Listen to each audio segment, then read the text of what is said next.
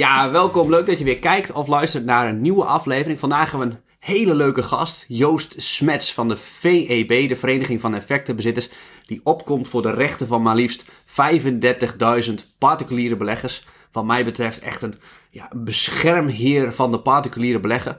Veel jonge beleggers hebben er mogelijk nog niet van gehoord, maar waar ik het met Joost, met jou graag over wil hebben is... Is beleggen nou een spel of is het een vak? Je hoort steeds meer over gamificatie van beleggen. Of mensen überhaupt weten of ze aan het beleggen zijn of dat ze aan het gokken zijn. Daar weet jij van alles vanaf. Ik hoorde jou eerder in een podcast. Uh, daar kan je straks op het eind misschien ook nog meer over vertellen. Maar eerst even over jouw rol voor de VEB. Want ik vind dat jullie heel belangrijk werk doen. Maar ik denk dat heel veel van mijn jongere luisteraars misschien nog nooit van jullie gehoord hebben. Ja, nou, dank je voor de uitnodiging, uh, Rowan. Inderdaad, uh, wij kennen elkaar ook van de VEB. Hè? Jij bent daar ooit bij ons op gesprek geweest om als vergaderbezoeker voor ons te, te, dienen. Daar, ik zal daar dadelijk wat meer over vertellen, wat dat is, vergaderbezoeken. En toen dacht ik van, nou, dat is iemand die neemt beleggen wel serieus. op zich hadden we jou ook wel graag bij de VEB gehad. Uh, maar het blijkt dat jij liever podcasts en zo maakt. Hadden we dat geweten, hadden we je ook nog een microfoon gegeven. Maar dat, oké, dat is uh, Schnee van Gesseren, zal ik maar zeggen. Ja, ik, ik werk bij de VB en eigenlijk al uh, schandalig lang. 14 jaar nu. Als ik het zelf vertel, dan geloof ik het bijna niet. Maar ehm, is dat lang? Ja, maar het is steeds weer in een andere rol. En misschien goed om even te vertellen wat we doen. Het heet een vereniging van effectenbezitters. Dan denk je vereniging, wat doen ze daar allemaal? Um, nou, het leuke is, wij zijn belangenbehartiger van particuliere beleggers. Dus wij kijken naar beursgenoteerde ondernemingen, hier in Nederland, maar ook daarbuiten. Uh, wij proberen mensen te, te, vertellen wat echt beleggen is. Dus hoe kan je dat nou doen? Hoe kan je dat op een verantwoorde manier doen? Wat jij ook doet, trouwens. Um, wij spreken dus met bedrijven en wij zorgen ervoor dat bedrijven beleggers goed blijven uh, uh, informeren. En gaan ze daar een keer fout, en daar kennen mensen ons misschien het allerbeste van. Als er een keer iets misgaat, dan proberen we compensatie voor beleggers te regelen. Dus dat kan bijvoorbeeld, we hebben dat gedaan bij World Online, bij Fortis. Ehm, nou ja, wat hebben we nog meer voor zaken? Shell hebben we gehad, Ahold. Dat zijn zaken waar mensen ons het meeste van kennen. Dus eigenlijk als het leed al geleden is, en we willen liever eigenlijk dat dat eerder gebeurt. Um, ja, de VEB, nou ik was ook liever uh, eigenlijk uh, bakker of piloot. Dat is op een feest altijd wat makkelijker om te vertellen wat je doet. uh, maar de, het werk is ontzettend leuk. Je maakt ontzettend veel mee. Je zit op een kruispunt van een beetje de juridische gang van zaken. Ehm, wat gebeurt er in de boardroom? Uh, we kijken heel erg naar jaarverslagen. We kijken of bedrijven. Hè, we maken heel erg dat verschil tussen een goed bedrijf is nog niet per se een goede belegging. Dus daar kijken we ook heel erg naar. We duiken de cijfers, die zagen we door, zoals jij ongetwijfeld ook nog wel weet. En daarbij, nou ja, we praten met bedrijven en een van de dingen waar we ze in ieder geval spreken, dat is de jaarlijkse aandeelhoudersvergadering. Dus na vereniging weer iets met een V wat heel erg saai lijkt, zo'n vergadering. En uh, in principe willen bedrijven ook dat zo'n vergadering heel saai is. Hè? Want een, een, een aandeelhoudersvergadering is een belangrijk element in, uh, in een, uh, of een, belangrijke factor in een bedrijf. Die neemt namelijk besluiten. En liefst heeft een bedrijf dat, ja, dat je binnenkomt, kop koffie, zij leggen alles voor en nou ja, dat, je, dat je voorstemt en klaar. Maar steeds meer gaat, gebeurt dat niet. Hè? Het is vooral grote beleggers zijn ook gedwongen om echt niet alleen bij het kruisje te tekenen, maar echt om uh, zelf een mening te vormen over wat doet het bedrijf qua strategie. Uh, duurzaamheid wordt steeds belangrijker enzovoort. Uh, en dat leidt dus tot, zou tot meer discussie moeten leiden. Ja, wat ik leuk vind in zo'n aandeelhoudersvergadering ook. Hè. Het mooie is, het is een aandeelhoudersdemocratie. Met één aandeel ga je gewoon in overleg met de Ben van Beurdes of de Frans Mullers van deze wereld. En je kan ze vragen stellen en daar zijn vaak particuliere beleggers die vaak verrassend goed geïnformeerd zijn en die met hele leuke vragen komen. En het mooie is, voor bestuurders is dit een van de weinige gelegenheden in een jaar uh, die niet gescript is. Ze weten van tevoren niet wat gaat gebeuren. Normaal krijgen ze hele dikke mappen enzovoort. Nu ook trouwens, uh, vraag- en antwoord sessies hebben ze van tevoren gehad. Maar kom je met iets onverwachts, dan zie je ze toch eh, moeilijk op een, op een stoel schuifelen. Of uh, de, de, goede vraag komen we op terug. Nou ja, dat is het leuke spel waar je in ieder geval een dialoog hebt. Dus om kort te gaan, uh, leuke dingen. Uh, VIB, even als ik nog gewoon wat, zoals we dat noemen, stofzuigers mag verkopen. Kom een keer naar vb.net. staat heel veel gratis, uh, reclame, of gratis uh, informatie over hoe je moet beleggen enzovoort. Kijk daar een keer naar. Misschien vind je het leuk. Je kan er gratis naar kijken en vind je het heel leuk. Kan je ook nog lid worden. Maar we hebben liever dat je gewoon achterband bent en ons kent. Goed, tot zover de, de ster, het sterblok, uh, Rowan. Dank. Ja, ja, en uh, kijk, ik denk dat jullie. Want er is al een tijd geen echt, echt groot schandaal op de beurs geweest bij een Nederlandse bedrijf, uh, als ik het goed heb. Wat, wat is de laatste? Ja, de, de, de, laatste grote is, en daar zijn we natuurlijk nog steeds mee bezig, dat is Imtech. Hè, technisch dienstverlener. In 2015 ging die uh, failliet. Hè. Eerst uh, twee jaar daarvoor. Het was, als ik daar even wat over mag zeggen, inderdaad, het was, ik weet nog, wij zaten in de, de crisis 2008. En 2009 en ieder bedrijf, ieder persbericht was eigenlijk bingo, tegenvallers enzovoort. Behalve bij Imtech, die gaven heel veel persberichten uit en dat was allemaal goed nieuws. Nou, in 2013 bleek dat wat overtrokken, want toen bleek dat er uh, het bedrijf een fraude moest melden in Polen. Dat zouden ze namelijk een groot pretpark bouwen. En toen, uh, misschien kennen, kennen lezen of luisteraars dat nog, uiteindelijk bleek er alleen een poort in een drassig weiland te zijn gebouwd. En waar er van de 600 miljoen die het pretpark had moeten kosten, had moeten opleveren, was er niks. niks meer te bekennen. Later bleek die fraude veel uh, uitgebreider, ook bij Duitse activiteiten. Nou, ze haalden in uh, eh, 2013 geld op bij beleggers en in 2014 nog een keer een emissie, in totaal 1,1 miljard. Daarmee zou alles gered zijn, maar in 2015 was het toch uh, einde oefening.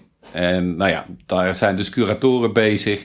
En wij kijken samen met die curatoren van wie zijn daar, ja, wie kunnen we daar nog hebben. Beleggers zijn echt al hun geld kwijt. Dus dat is, uh, dat is iets waar we echt naar kijken. Nou, het is inderdaad, je bent, soms voel je wel eens een beetje historicus. Want ja, dit is 2015. Wat ook nog loopt is SNS, 2013.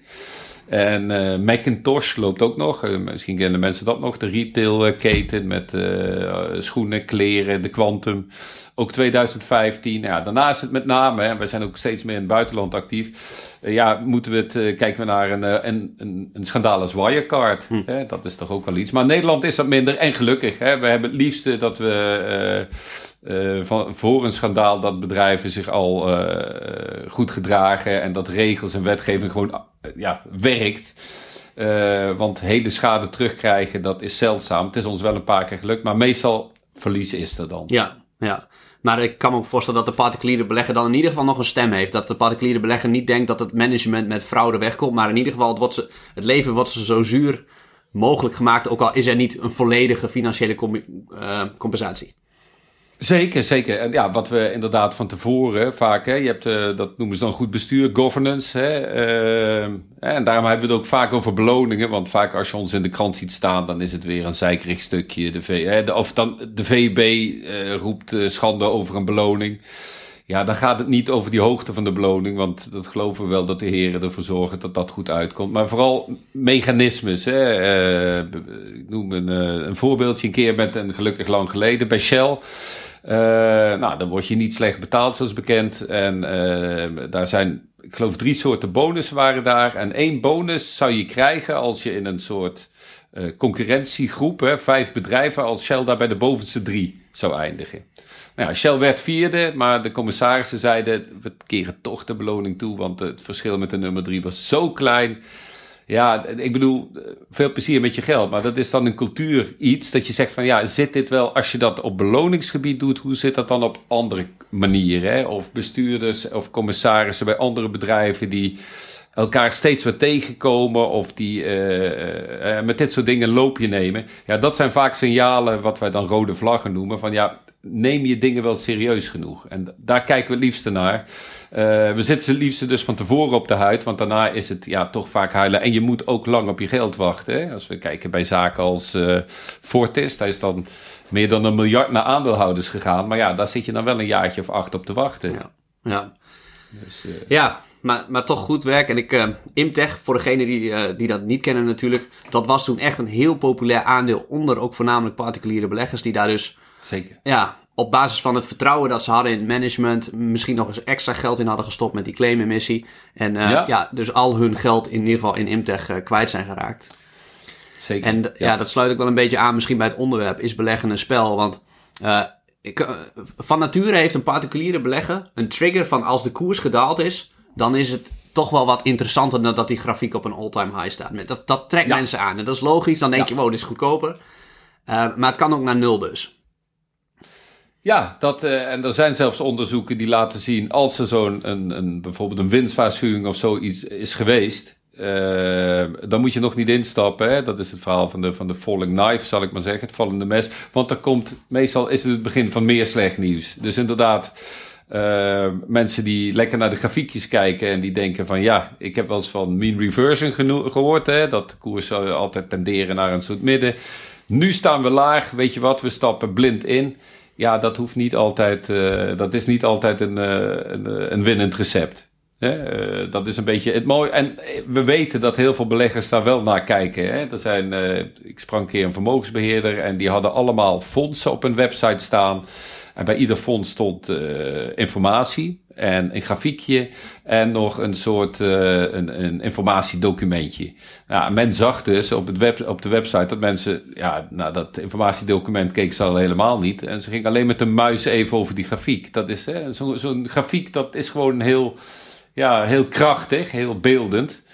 Uh, maar lang niet alleszeggend. Ja, ja. En hoe, hoe zie jij dat dan bij de particuliere belegger? Want jullie gaan bijvoorbeeld het hele jaarverslag echt tot in detail uitsplitten. Het beloningsrapport. Als je weet hoe de mensen aan de top betaald krijgen, dan kun je soms ook bepaald gedrag voorspellen. Gaan ze een grote overname doen? Worden ze dan extra geprikkeld of, of wat dan ook? Uh, ja. Maar ik denk dat misschien een groot deel van de particuliere beleggers niet in een jaarverslag kijkt. Nee, nou, uh, dat, dat klopt inderdaad. Uh, en dat kan ik me ook heel goed voorstellen. Uh, want het is vaak echt hele taaie en eigenlijk niet te harde proza. Het is vaak een reclamefolder. Hè? Daar beginnen ze mee wat, wat voor mooie dingen ze allemaal hebben gedaan. Je ziet nu ook bijvoorbeeld duurzame verslaggeving. Iedereen klaagt erover dat je daar, ja, dat dat niet vergelijkbaar is. Hè? Dus wat doet een bedrijf aan het klimaat?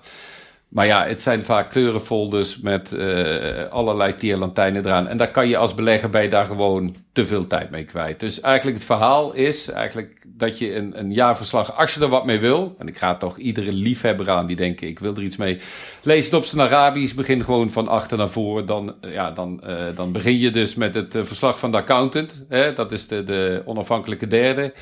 En daarna kijk je naar de cijfers, uh, lees je de, de, de noten bij de cijfers en dan uh, eindig je bij het voorwoord van de CEO. Daar zit, dat is door zoveel mensen is daar uh, naar gekeken, daar zit kraak nog smaak aan. Dat, dat kan je eigenlijk gevoeglijk overslaan. Dus wil je dat, dan kijk er een keer in.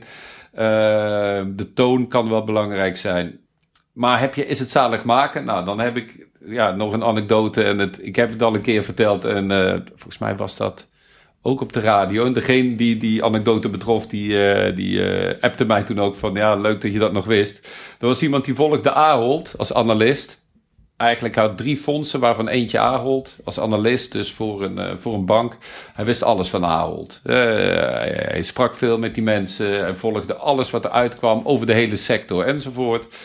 Uh, was ook een praatgrage jongen, dus hij vertelde ook regelmatig over Ahold enzovoort. Toen, en toen brak ineens het is al lang geleden hoor, het, uh, het boekhoudschandaal bij Ahold uit. En toen keek iedereen naar hem van nou, eh, zeg het maar. Hij zei, ik had geen idee. Dus dat kan je gewoon gebeuren, zelfs als je heel dicht op de bal zit, kan je dat gebeuren. En daarom uh, op één zo'n bedrijf afgaan, hè, net als bij Imtech, dat is gewoon onverstandig. Het mag een cliché zijn om te zeggen spreiden, maar ja, dat is iets waar je toch echt wel aan moet denken. En dan zou ik bijna zeggen, pak gewoon een bodem, hè? tenminste zoals ik dat zelf doe, een, een, een soort basis van, van breed gespreide fondsen, ETF's, dat soort dingen. En dan kan je daaromheen altijd nog uh, met een deel van je geld, hè, kan je gaan kijken of je nog kansen ziet. Uh, maar hou er rekening mee dat je als particulier inderdaad uh, te maken hebt met een markt die heel goed is ingelicht. Ja, ja. Oké. En jij belegt denk ik zelf ook. Het moet, het moet wel deels je passie zijn. Ik kan me voorstellen dat als jij het dossier Ahold hebt en je gaat naar de aandeelhoudersvergadering en je, um, je hebt toevallig ook privé aandelen, misschien dat dat uh, niet mag, maar dat er een ontzettend belangenconflict is, omdat jij dat bedrijf uh, flink, gaat, flink meer gaat aanpakken dan een ander bedrijf wat ook in je dossier zit, maar waar je geen aandelen in hebt. Hoe zit dat? Ja, nee, dat klopt. Wij mogen helemaal niet in, in Nederlandse aandelen, individuele aandelen mogen wij beleggen en ook niet in Europese aandelen of aandelen waar wij überhaupt over schrijven. Omdat je iedere schijn wil vermijden dat je op een of andere manier dit, dit belangenconflict hebt. Dus alle bedrijven zijn wat dat betreft, uh, dat is een stuk strenger dan bijvoorbeeld bij banken, waar je inderdaad wel uh, voor een deel mag beleggen, maar in bepaalde periodes, of topmannen mogen ook in het eigen aandeel beleggen, hè, in bepaalde, bepaalde periodes van het jaar. Maar we nemen daar geen risico, dus uh, niet in Nederlandse aandelen, niet in grote Europese. Uh, en dan is er verder nog genoeg te beleggen, moet ik zeggen. Dus daar, uh, daar hoef je je echt geen, uh, niet bang voor te, voor te zijn. Nou was laatst ook een half jaar geleden in de media dat Amerikaanse politici of centrale bankieren wel ja. aandelen kopen. Wat, wat vind jij al en wat vindt VEB van zo'n zoiets? Is dat ook niet een ontzettende belangenverstrengeling? Ja, maar dat was ook echt, was ook echt ik heb de cijfers niet helemaal paraat mee, maar het was echt niet dat ze één of twee keer een transactie. Die mannen die waren gewoon vol aan het beleggen. Ja, het is niet voor niks een uh, enorm schandaal geweest, inderdaad. Uh, ja, je vraagt je af wat dat. Uh, het, het, het, punt is, dat is nou typisch iets waar je van zegt. Hè, het zijn al geen mensen die nog een extra krantenwijk moeten nemen. Hè, dus gewoon goed betaald. En dan toch dat schapen, dat inhalige. niet die antenne hebben dat dit niet kan. Inmiddels is regelgeving eh, aangepast, hè, want het waren inderdaad centrale bankiers in, uh, in de Verenigde Staten. Uh, maar dus al niet aanvoelen dat wat blijkbaar wel nog mocht, dat dat niet hoefde.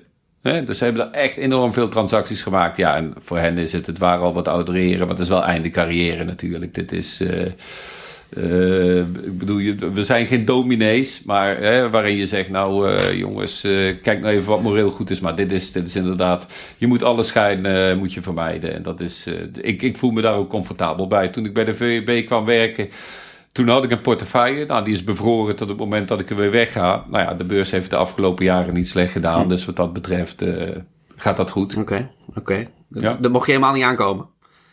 Dan mag je, dan mag je niet aankomen tenzij je uh, een verbouwing hebt of uh, iets belangrijks. Dan moet je daar toestemming voor vragen. En nou, er zijn allemaal procedures voor. Daar uh, waag je al bijna niet aan. Dus je, was, je bent eigenlijk de typische dode belegger waar je onderzoeken wel eens over gaan. Ja, voor dat, deel van de portefeuille is dat ja, dood de lange termijn beleggen, zullen we maar zeggen.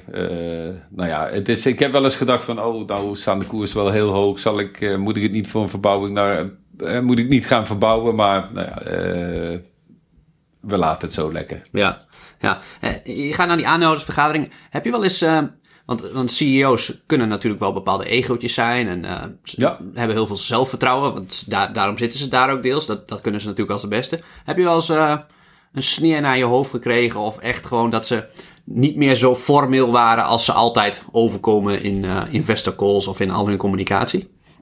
Ja, zeker. Dat is eigenlijk. Kijk, het is geen spel. Hè? Het is niet dat we daar uh, erop uit zijn om die mensen uh, uit hun rol te laten vallen. Maar je ziet wel inderdaad dat als je. Hè, we proberen altijd op. Gewoon op de bal te spelen. Dus inderdaad, het gaat om de zaak. We zijn dan niet om, uh, om, om zo'n man te wijzen op het feit dat hij misschien ook nog eens een keer wat van zijn paard moet komen en enige zelfreflectie moet tonen. Maar vaak als je ziet, kijk, zo'n topman heeft natuurlijk, die is van veel zaken op de hoogte, maar ook van veel zaken niet. En soms zit hij te bluffen en soms denkt hij van ja, ik heb hier geen zin in of ik, uh, dit is niet, dit is, doet voor mij niet de zaken.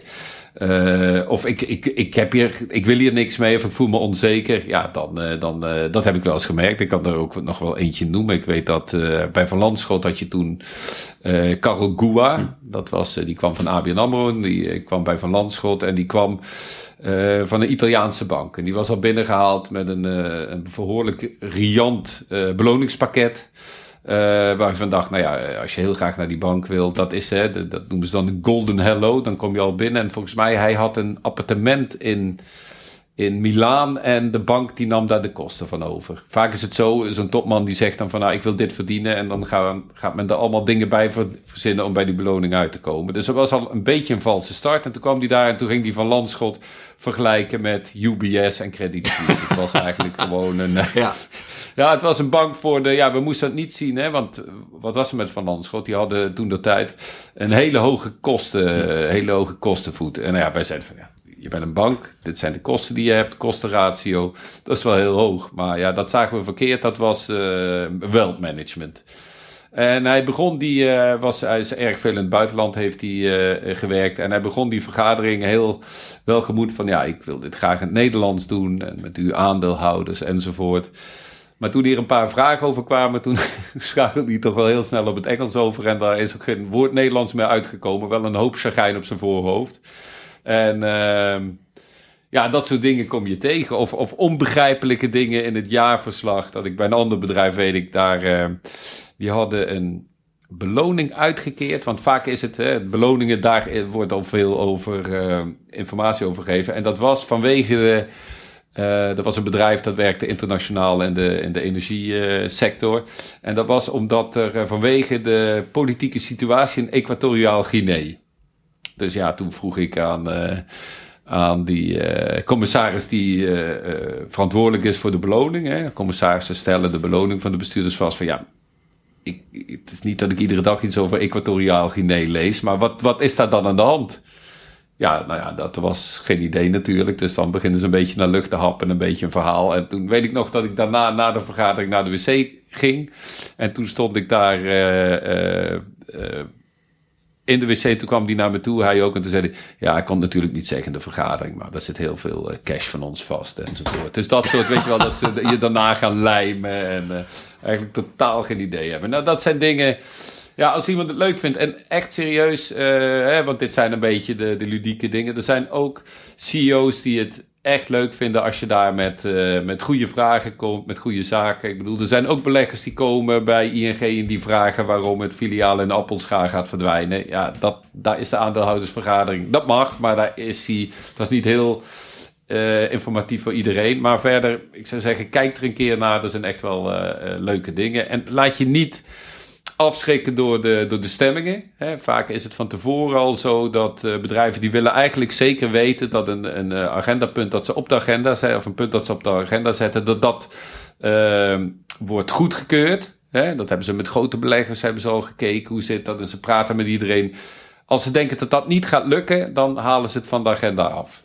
Maar als je dus, dus de meeste agendapunten, dat is 95% wordt voorgestemd. Zie je nou een keer 70%, ja, dan is er toch echt wel iets misgegaan. Ja. dus dat, nou ja, dat zijn allemaal dingen hoef ik jou niet te vertellen, want jij hebt er ook wel uh, gedaan, toch? Ja, ja, ja ik, ik bezocht ze met veel liefde en ik kan iedereen het aanraden om dat te doen. De, de gemiddelde leeftijd van de particuliere belegger op zo'n aandeelhoudersvergadering is denk ik wel zo'n beetje 60, misschien wel 70. Ja, ligt, aan, dat... ligt aan welk, welk bedrijf natuurlijk. Maar ja. uh, ik, je ziet ja. weinig jonge beleggers. Maar het is ook heel aantrekkelijk. Want je hoeft maar één aandeel te hebben. En je krijgt gratis, gratis broodjes, drinken. Vaak nog een cadeautje mee van het bedrijf. Zeker bedrijven die in moeilijkheden zitten. Die willen de aandeelhouders toch een beetje paaien op een mooie locatie. Ja, ja, ja. Welke kan je nog herinneren? Wat heeft je... Uh, ja, ik, ik, ik vind zelf, daar ben ik niet voor jullie heen geweest, Holland Colors. Dat is, dat is gewoon altijd in de personeelskantine. Ja, dat vind ik geweldig. Dat ze daar dus geen kosten heel ja. veel die huren een duur hotel af en allerlei uh, catering. Daar is gewoon een personeelskantine, krijg je broodje ham, broodje kaas en een, en een drankje. En dat is het. En dat, ja, dat vind ik zelf geweldig. En, en, ja, en bovendien, je kan ook een rondleiding dan een beetje krijgen. Je, je, je spreekt personeelsleden die daar ook gewoon rondlopen. Krijg je toch een beetje feeling over de cultuur binnen het bedrijf. Ja. Maar anders, zouden ze toch, anders is het toch heel erg de boardroom die daar zit als ze dat in een hotel doen ergens. Ja. Ja, en dan, ja, is, dan is het soms echt een show, maar dat vind ik... Uh, dat... Ja, ja, ja, ja, ja. En ik, ga weer... ja, ik weet ook nog, jij bent bij, uh, die kan ik me nog uh, goed herinneren, hoe heet die, die batterij tent? Waar jij, Alphen, daar ben je Alphen, ja. ja. Dat was toen al, dat is daarna ook doorgestegen. Ik weet niet of het door jouw komst, met jouw komst te maken heeft, maar die hadden we, die had, die had men moeten kopen. Die hadden we moeten kopen, ja. ja. Ja, ja, ja. ja, nee, Acomo nog natuurlijk en... Oh ja. Basic Fit ook, ja. maar dat was toen, uh, toen het online ging. Online was het allemaal, is het allemaal wat, uh, ja, wat minder. Hè? Oh, het is natuurlijk ja. makkelijk, voor de, makkelijk ook voor de bestuursraden om... Uh, dan moet je voor de, voor de tijd die vragen insturen. Ja, dan hebben ze alle tijd om dat voor te bereiden. Dan is de hele ja, swing daar een beetje af.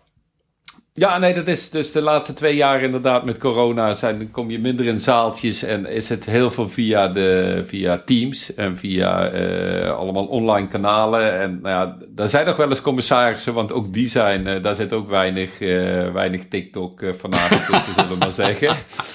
Die, uh, die had in het begin. Ik heb wel eens gezien dat je echt, denk ik, zit te kijken naar een, de, iemand die het, het, weerbericht voorleest in de jaren 50. Dus echt gewoon vanaf een papier iets voorlezen. En uh, nou ja, die kon niks vragen.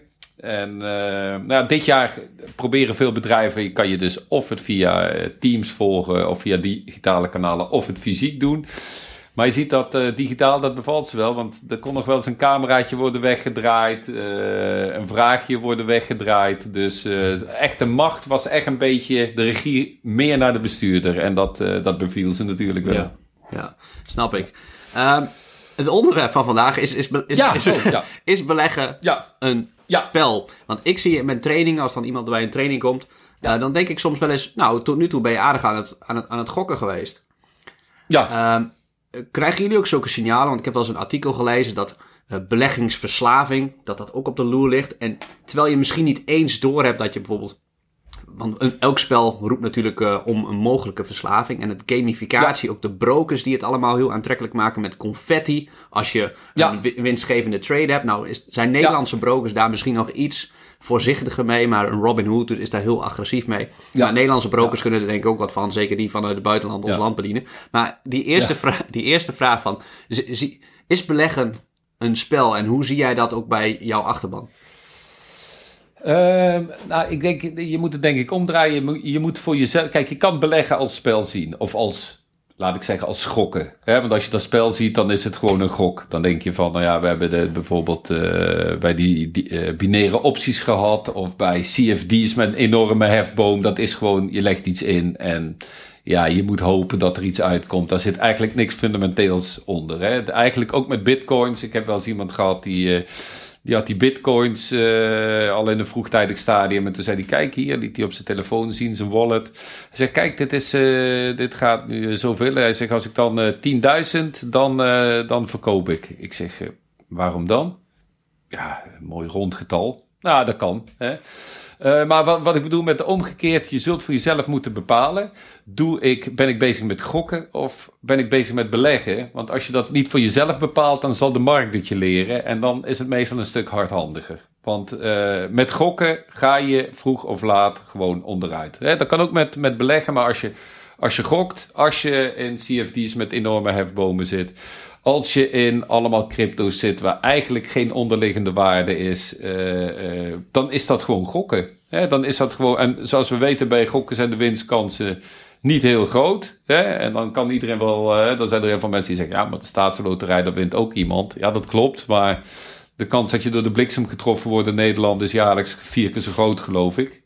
daar hoor je dan niemand over. Dus inderdaad, weet voor jezelf, als je het wil doen. Hè, ik heb heel veel mensen eigenlijk, als je nu zegt, ik doe iets met beleggen. Oh, bitcoins. Heb ik. En ze hebben altijd wel weer een, uh, een neefje die er een nieuwe scooter van rijdt. En die lacht zijn, uh, zijn, uh, zijn leeftijdsgenoten uit. Nou ja, ik, ik hoop van alles het beste. Maar er zit gewoon, het is gewoon een gokelement. Als, je niet, als er niets is waar je, naar, waar je op kan passeren, dan is het gokken. En dat kan aantrekkelijk zijn, zolang koers omhoog gaan. Nou, dat hebben we natuurlijk zeker gezien in die, uh, in die lockdown-tijd. Mensen konden geen geld uitgeven, er werd gestimuleerd, die beurzen gingen omhoog. Dus het was eigenlijk gewoon een spel zonder nieten. En wat je dan leest in de Verenigde Staten is dat, uh, we hebben ook gezien de GameStop-verhalen. En inderdaad, dat wat we noemen nudging. Dus inderdaad, ehm, brokers zijn gebaat bij veel handel. niet alleen omdat, dan kan je zeggen, de transactiekosten zijn laag. Uh, voor, voor particuliere beleggers, waar hebben we het over? Uh, dat is één, maar twee is hoeveel, hoe meer handelt de rest van particulieren, hoe meer hè, dit soort bedrijven kunnen doorverkopen. Die verkopen gewoon die orderstromen door en daar verdienen ze ook geld aan. Dus zij hebben gewoon het belang dat er veel handel is. En probeer je daar op alle manieren op, uh, op tot toe aan te zetten. Hè. Daarom zie je ook brokers hier in Nederland, gaat dat vrij in het net. Hè. Ik bedoel, je hebt de brokers die geven een beleggingscompetitie of cursussen of uh, gratis nieuws. Hè, alles om beleggers te activeren en bij de les te houden en ze aan hè, ze, de mogelijkheden te bieden om zoveel mogelijk te handelen. Nou ja, dat is iets uh, waar je voor jezelf moet kijken. Ja, uh, uiteindelijk is beleggen. Kan je het zo spannend maken als je wil, maar in de basis is natuurlijk vrij saai. Het is een lange afstandsspel, of het is een lange afstands, lange, lange termijn inspanning. Je moet wat spreiden. En uh, je moet je bewust zijn van wat je doet. Hè? Niet uh, saai is goed. En dat je daarnaast nog wat, uh, wat stoere beleggingen wil voor bij de koffieautomaat. Dat is allemaal te billijken. En er zijn hè, een, een, een bepaalde portefeuille aanleggen kan echt veel beter renderen. Maar wat ik mensen vaak laat zien die zeggen: Ja, ik wil wel beleggen. Ik ben nou eerst even het stichtelijke praatje. We gaan zo weer over dat gokken praten, wat mij betreft. Uh, wat moet ik nou doen? Ik wil er niet te veel tijd aan besteden. Dan laat ik vaak zo wat je. Mensen moeten maar eens op googlen. Een zogenaamde DAX-rendite. Dat is een soort, soort driehoek.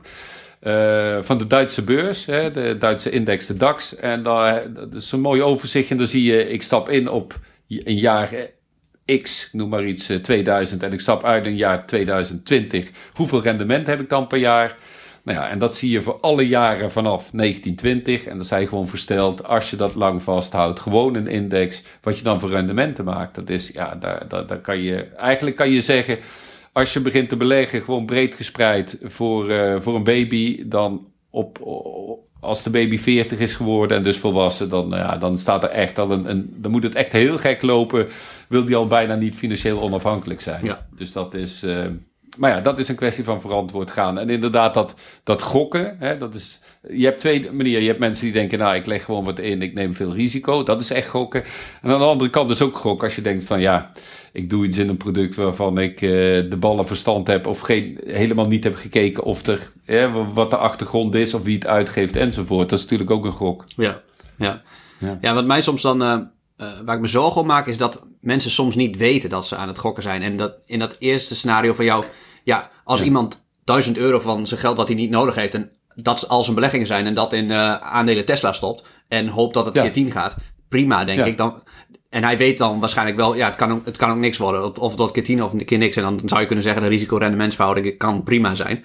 Uh, ja, maar dan heb je het geld wel afgeschreven, hè, eigenlijk. Ja, ja. Maar, en jij zegt eigenlijk ook, als het, uh, wat ik zelf ook zie, ik weet niet zeker of jij dat ook suggereerde, maar dat als het straks app wordt, de afgelopen jaren waren supergoed. En ook alle gokkers, ja, zelfs de mensen die niet weten dat ze aan het gokken hebben, die komen daar dan straks achter als het app wordt. En dan zijn de gokkers aan de beurt. Zie je dat zo? Ja, ja.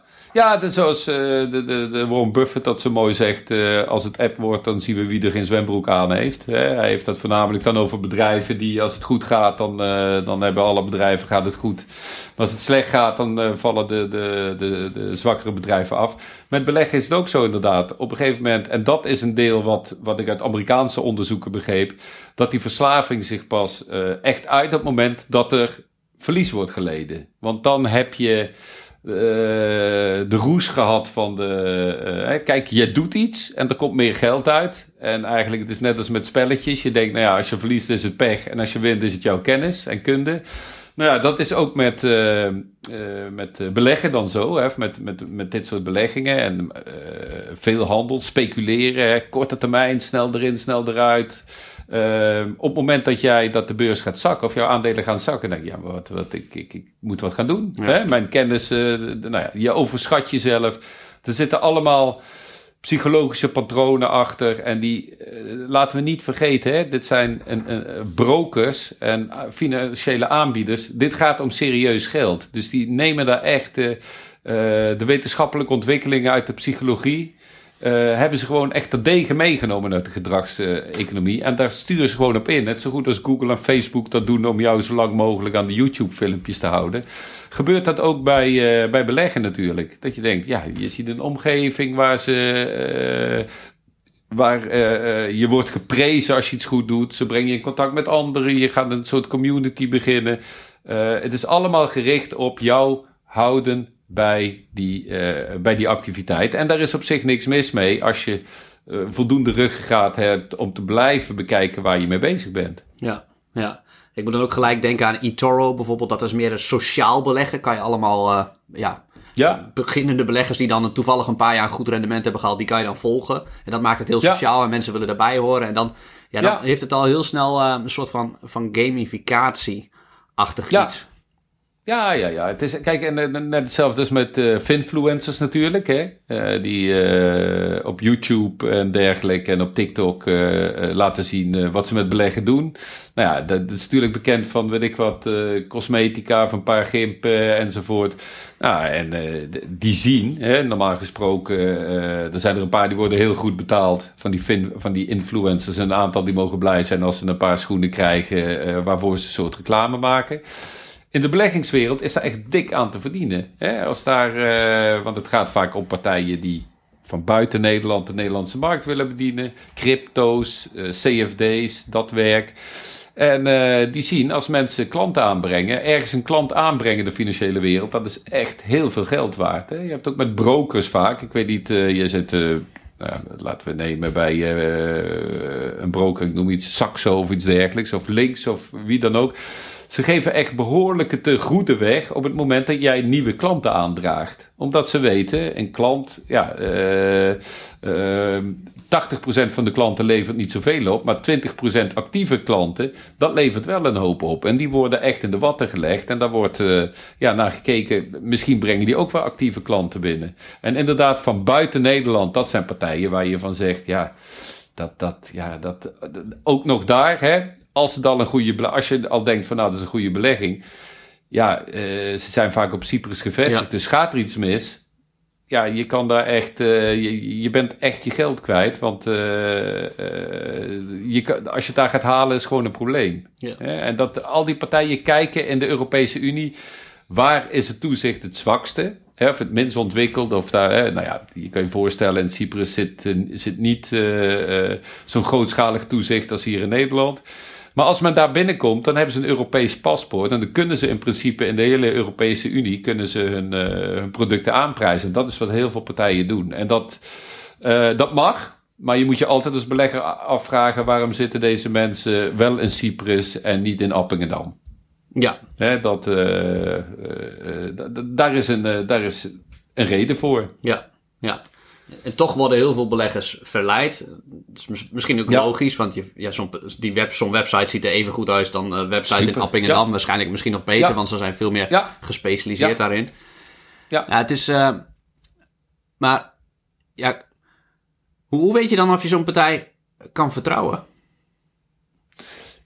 Ehm, dat kan je, dat zijn een, ja, dus hier gaat het echt om partijen waar je van denkt van, nou, is dit, is dit nou wel zuivere koffie? Nou, ik zou sowieso wel zeggen, uh, als je twijfelt, bij twijfel niet oversteken. er zijn zoveel uh, partijen waarvan je weet dat ze in ieder geval een vergunning hebben, onder toezicht staan enzovoort, waar je in kan beleggen. En wat ook niet per definitie een succesvol iets is. Hè? Neem, ik bedoel, Fortis was een bank. Uh, had ABN AMRO overgenomen enzovoort. Uh, nou ja, de, de, je weet in ieder geval dat als je daar een rekening had, dan was je geld niet kwijt. Maar als je erin belegd hebt, ben je alles kwijtgeraakt. Dus er is nog geen, nog geen garantie dat je, uh, dat je vermogen echt veilig is. Maar als je twijfelt, als je denkt van, nou ja, dit is een partij die zit in het buitenland of uh, ik kan helemaal op die website geen, niemand bereiken. Hè? Uh, dus echt iemand een telefoon krijgen of er staat geen telefoonnummer. Of als dat zo is, dan is het in het buitenland.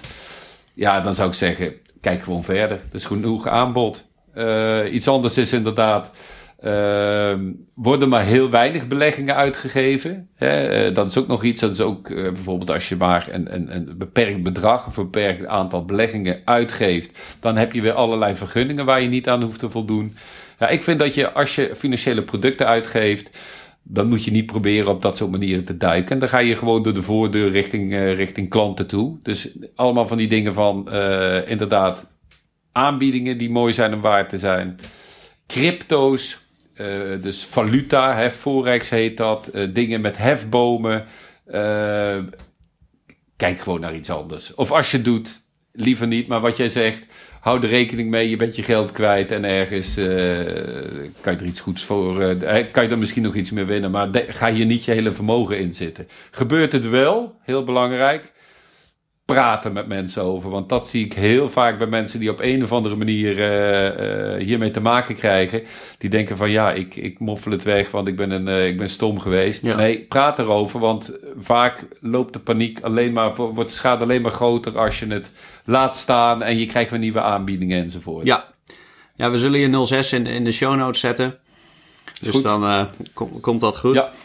Ja. Um, ik, ik had, uh, een jaar geleden stond ik in, met een artikel in Elsevier. Ik, ik zei eigenlijk, als, je, als een broker echt het belang van de klant, dus de belegger voorop heeft, moeten ze de transactiekosten eigenlijk wel een tientje per aandeel maken.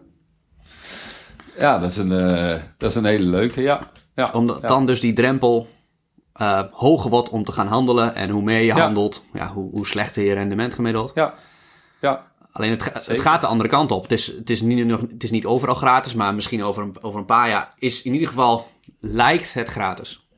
Ja, nee, inderdaad. En dat, nou, ik weet niet of je het daar wel eens over gehad hebt. Dat payment for order flow, uh, hoe aan die achterkant, hoe daar het geld van, uh, van particulieren gewoon wordt, hè, of de, de orders worden verkocht. Uh, daar wordt geld mee verdiend. En inderdaad, wat je zegt, duurder. Wat ik ook elegante oplossingen vind, is uh, dat de brokers zijn, die hebben bijvoorbeeld voor beleggen in ETF, zeggen ze nou, als je nou periodiek belegt, dus zeg een bepaald bedrag per maand, dan hoef je geen transactiekosten te betalen. Hè? Dan heb je gewoon iedere maand leg je een vast bedrag in. En dat is een, een methode die natuurlijk uh, die al gekend is en die ook nog wel, hè, dollar cost averaging, dat zegt jou ook ongetwijfeld wel uh, wat. Dus periodiek leg je een bedrag in, staat de koers hoog van uh, iets, dan heb je maar minder stukken, staat de koers laag, koop je meer stukken.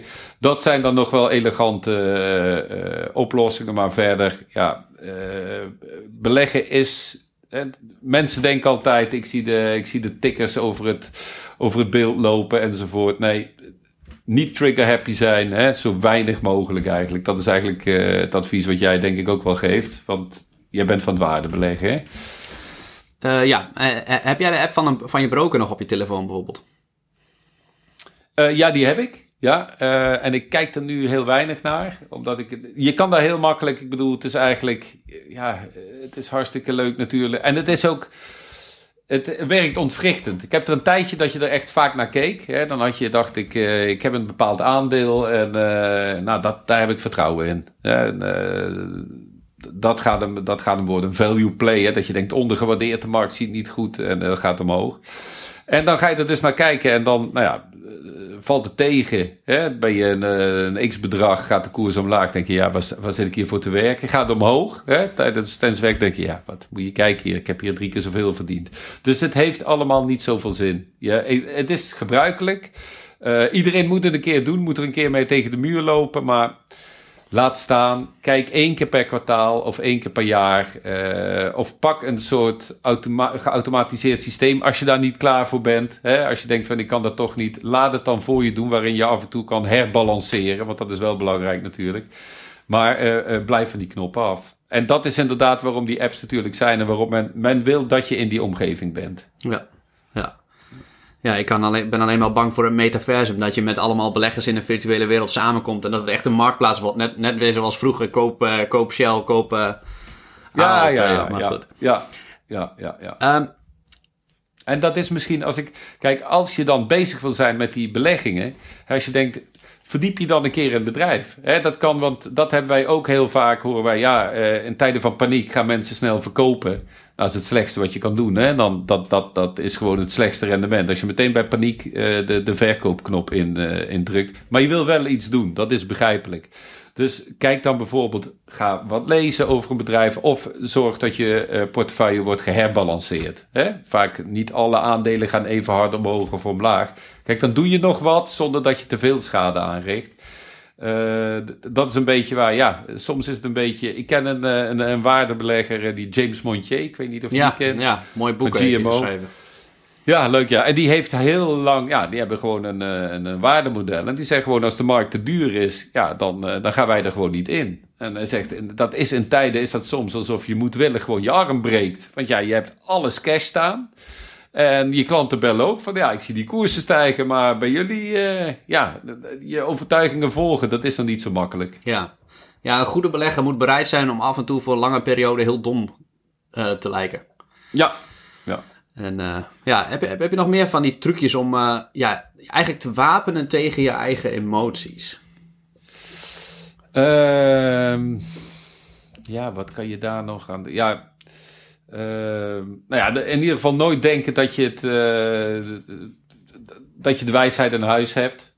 Eens even nooit afgaan op verhalen van anderen. Hè? Want iedereen heeft. Nou ja, als iemand iedereen heeft wel een, een sof. Hè? Iedereen heeft wel een keer een fiasco uh, gehad in zijn beleggingsportefeuille. Waarvan je dacht, iedereen gaat wel een keer dat je een believer wordt. Je hebt nu ook nog steeds uh, aandelen als farming of TomTom. Tom. Daar zitten echt believers in. Mensen die zich niet kunnen voorstellen dat dat niet iets heel groots wordt. Uh, als iemand, hè, want dat is het vaak. Uh, ja, wanneer mensen over beleggen praten, is het meestal omdat ze, omdat ze zichzelf op de borst kloppen. Ik, probeer dan altijd een beetje van, joh, uh, ik heb wel eens een bleeder gehad, heb jij dat ook wel? En dat, dat, nou, daar vertellen mensen dan ook wel graag over. Het is dan altijd lang geleden enzovoort. Maar dat, dat, dat zorgt in ieder geval voor, voor een soort ontspanning dat je ziet, nou, iedereen heeft gewoon eens een keer zwaar de mist ingegaan. En dat, dat, ja. Nou, en laat je ook nog een dingetje, wat mensen niet moeten doen, dat is denken: weet je wat ik doe? Uh, ik, uh, ik, ik koop gewoon wat of ik pak gewoon een product en het zijn hoge transactiekosten. Wat maakt het mij uit? Die beurs gaat iedere dag 1 of 2 procent op en neer. Uh, dat betaal ik per jaar. Hè? Dus ik kijk niet naar transactiekosten en zo. Dat zijn allemaal echt belangrijke dingen. Hè? Je bent als belegger gewoon een beetje, je moet schapen, je moet kleine dingetjes in de gaten houden. En je moet gewoon de tijd het werk laten doen. Als je dat in de gaten hebt, dan denk ik dat je een heel eind komt. Oké. Okay. Eén vraag die ik nog heb, want uh, een heel aantal luisteraars zijn het daar ook niet met me eens. We hebben een aflevering gehad oh. over opties. Mm -hmm. uh, je noemde al CFD's, Forex, binaire opties. Nou, allemaal een beetje ja. turbo's. Deel daarvan verboden, geloof ik. Uh, opties ja. niet, zal waarschijnlijk ook nooit verboden worden. Nee. ik denk, mijn stelling is dat voor het, bijna iedereen die, alle particuliere, bijna alle particuliere beleggers, ik denk meer dan 95%, is het uh, opties uh, een, een dom, een, niet een dom iets, maar ook een, ook een vorm van gokken. Oké, ja, dat, dat, dat, dat, dat kan. Uh, de, trouwens, er is met opties iets aan de hand. Hè. Je ziet dat banken dat effectenkrediet uh, langzaam beginnen af te schaffen. Dus dat ongedekte opties schrijven, dat gaat er wel langzaam uit. Dus dat is wel een behoorlijke verschuiving. Met opties, ja, daar kan je. De, opties zijn in feite uh, gewoon een instrument om je in te dekken tegen dingen. Hè, zo is het. En uh, door constructies op te zetten, kan je gewoon bepaalde risico's kan je limiteren. Uh, nou ja, als dat voor mensen niet snel genoeg gaat. Kijk, met beleggen, beleggen is niet iets waar je morgen rijk van wordt. Dan moet je het niet. Eigenlijk als je is heel raar, maar als je het over geld wil hebben, dan, moet je, dan heb je het niet over beleggen, dan heb je het meer over speculeren. Mensen die denken, nou, ik leg nu wat in en uh, over een jaar wil ik iets. Ja, dat is eigenlijk een recept voor, uh, uh, voor tegenslag. Als je opties gebruikt, verdiep je er goed in en zorg gewoon dat je constructies opzet. En die zijn er genoeg. Hè. De boekjes zijn echt legio, waarin de constructies gewoon worden uitgelegd. En waarbij je gewoon een bepaalde, op een visie die je hebt, waarbij je een risico uh, maximaliseert dat je kan lopen. Dan zou ik zeggen, opties zijn gewoon een goed instrument. Ik weet dat mensen er dol op zijn. Dat wordt vaak onderschat. Ja. Maar het is echt uh, Nederland optieland. Ja. Hè? Ja. Ongelooflijk. Uh, wat, wat, wat, zijn de ervaringen die jij dan te horen krijgt? Wat zeggen mensen? Nou, dat mensen inderdaad dat bijvoorbeeld gebruiken om uh, zaken af te dekken, bepaalde risico's ja? met opties. En dat, dat begrijp ik heel goed. Alleen, ja. ja. ik denk als iemand 30 jaar lang belegt, en dan, ja. uh, want, want soms, ja, kijk, een optie hoeft dus geen rendement op te leveren, maar als die iets een risico afdekt, is dat ook al ja. prima. Als het één keer in de tien jaar een zwarte zwaan voorkomt, waardoor jij dan goed mm. zit. Uh, maar ik denk als iemand 30 jaar lang belegt in aandelen en dat deels met opties probeert af te dekken en zo, dat hij dan tot de conclusie komt na die carrière dat, dat dit optiedeel um, hem alleen maar geld heeft gekost. En ook in de risico. De, de, op de momenten dat hij die opties bijvoorbeeld nodig had, dan waren ze er voor je. Maar per saldo, ja. op zo'n lange termijn, ja. is het uh, waardevernietigend. Dat, dan heb je het over hele lange termijn. Hè? Dan heb je het inderdaad. Wat ik zeg, ik zal jou die, uh, die DAX-rendiet en dan kan je misschien de show notes eens laten zien. Dan zie je gewoon, als je belegt over 10 jaar, over 15 jaar, dan, dan daar is geen houden aan. Dat is allemaal gewoon rendementspositief. Als je dat normaal, hè, als, je op, als je zegt van nou, ik ga gewoon op een breed gespreide index of wat dan ook. Als je voor een bepaald evenement, wat, wat mensen bijvoorbeeld doen, die zeggen: Nou, ik, uh, ik heb mijn aandelen, ik ga nu op vakantie. Ik, ik uh, koop een optie om het risico af te dekken. Dat hè, ik wil niet op, uh, op de boot op mijn app zitten te kijken. Ik dek dat af voor een bepaalde korte periode met een duidelijk doel. Dan denk ik dat je daar, dat heeft ook natuurlijk met zekerheid te maken dan, dan zijn opties daar prima geschikt voor. Maar inderdaad, als je 30 jaar lang uh, de hele tijd alles gaat afdekken met opties, hè, dat, dat, ik, inderdaad, dan lopen de kosten wel flink op. Dat ben ik helemaal met je eens. Ja, en nog een ander facet. Als je een optie om een bepaald risico af te dekken, dan weet je vaak nooit zeker, er zijn geen zekerheden met beleggen, of dat risico zich voor gaat doen. En ja. ik merk dan vaak dat mensen iets denken daar vrij, misschien wel vrij zeker van zijn, maar iets wat je helemaal niet kan weten. En, en dat, dat, als we dan over deze aflevering, is beleggen een spel. Ja, dan ben je wel uh, een beetje aan het timen, dat soort zaken. Ja, ja. maar goed. Timen is ten alle tijde af te raden. Dat, uh, hoe graag ik dat ook wil. En de, iedereen doet het hoor. Want ik weet uh, natuurlijk inderdaad wat jij zei. corona kwam, die beurs da daalde. Iedereen zei van nou, nu stappen we in. Ja, het heeft redelijk goed uitgepakt bij een aantal aandelen, bij een aantal ook niet. Maar timen is, ja, daar heb je ook mooie spelletjes voor op internet om te laten zien dat dat echt gewoon niet werkt. En inderdaad, bij optie beleggen, daar is timing wel een dingetje. Ehm, maar ja, je hebt bepaalde constructies. Er zijn mensen die zeggen: Ik wil alleen dit risico lopen. En deze opbrengst wil ik gegarandeerd zien. En die het ook leuk vinden om optieconstructies uit te voeren. Ja doe dat gerust. Ja, het is in ieder geval het is afdekken van het risico. Het is in niets te vergelijken met beleggen in CFD's, binaire opties en, uh, en meer van dat moois. Nee, dat zijn echt uh, chemische apparaten. Uh, we, hebben, we hebben een aflevering over opties, dus als je wil weten hoe dat zit, check ja. dan een aflevering terug. Ja. We gaan richting de afsluiting. Hm? Ja, waar kunnen mensen meer over jou vinden, Joost? En heb, je, heb je nog een goede boekentip? Mijn luisteraars die luisteren niet alleen graag, maar die lezen ook heel graag. Die lees ook heel graag. En dan, wat moet het dan zijn? Eh, de beleggingsboeken? Of, uh... Een boek dat jouw leven heeft veranderd. Een boek dat, ja, dat, is, dat heeft. Dus even kijken, wat heb ik nou laatstelijk gelezen? Wat ik. Uh... nou ja, wat ik. In, ik ben toevallig net in Wenen geweest. En ik weet niet of mensen dat een. nou ja, dan lees ik van tevoren altijd wel wat. En dit is een boek van Caroline de Guiter, dat is een journaliste. En die, die heeft in Wenen gewoond. En die vergelijkt daarin het Habsburgse Rijk dus vroeger eh, Oostenrijk-Hongarije met de EU. Nou, dat, dat klinkt heel saai, maar zij, uh, zij vertelt dat erg leuk. En dat is een boek uit twee jaar geleden of zo. En eigenlijk zit daar al een, uh, een, een, een, een, stuk in. Oostenrijk, hè, als je in, in, Wenen bent. Wenen ligt dichter bij Oekraïne dan bij Amsterdam, zal ik maar zeggen. Dus dichter bij Kiev dan bij Amsterdam. Dus daar leeft Europa op een hele andere manier. Uh, en daar zitten gewoon parallellen in waar je, waar je van denkt van... God, dat, uh, dat is opvallend. Ze vertelt ook hartstikke leuk. Als ik daar één anekdote over mag vertellen inderdaad. Het Habsburgse Rijk, dat is het, de wereld van Sisi en dergelijke.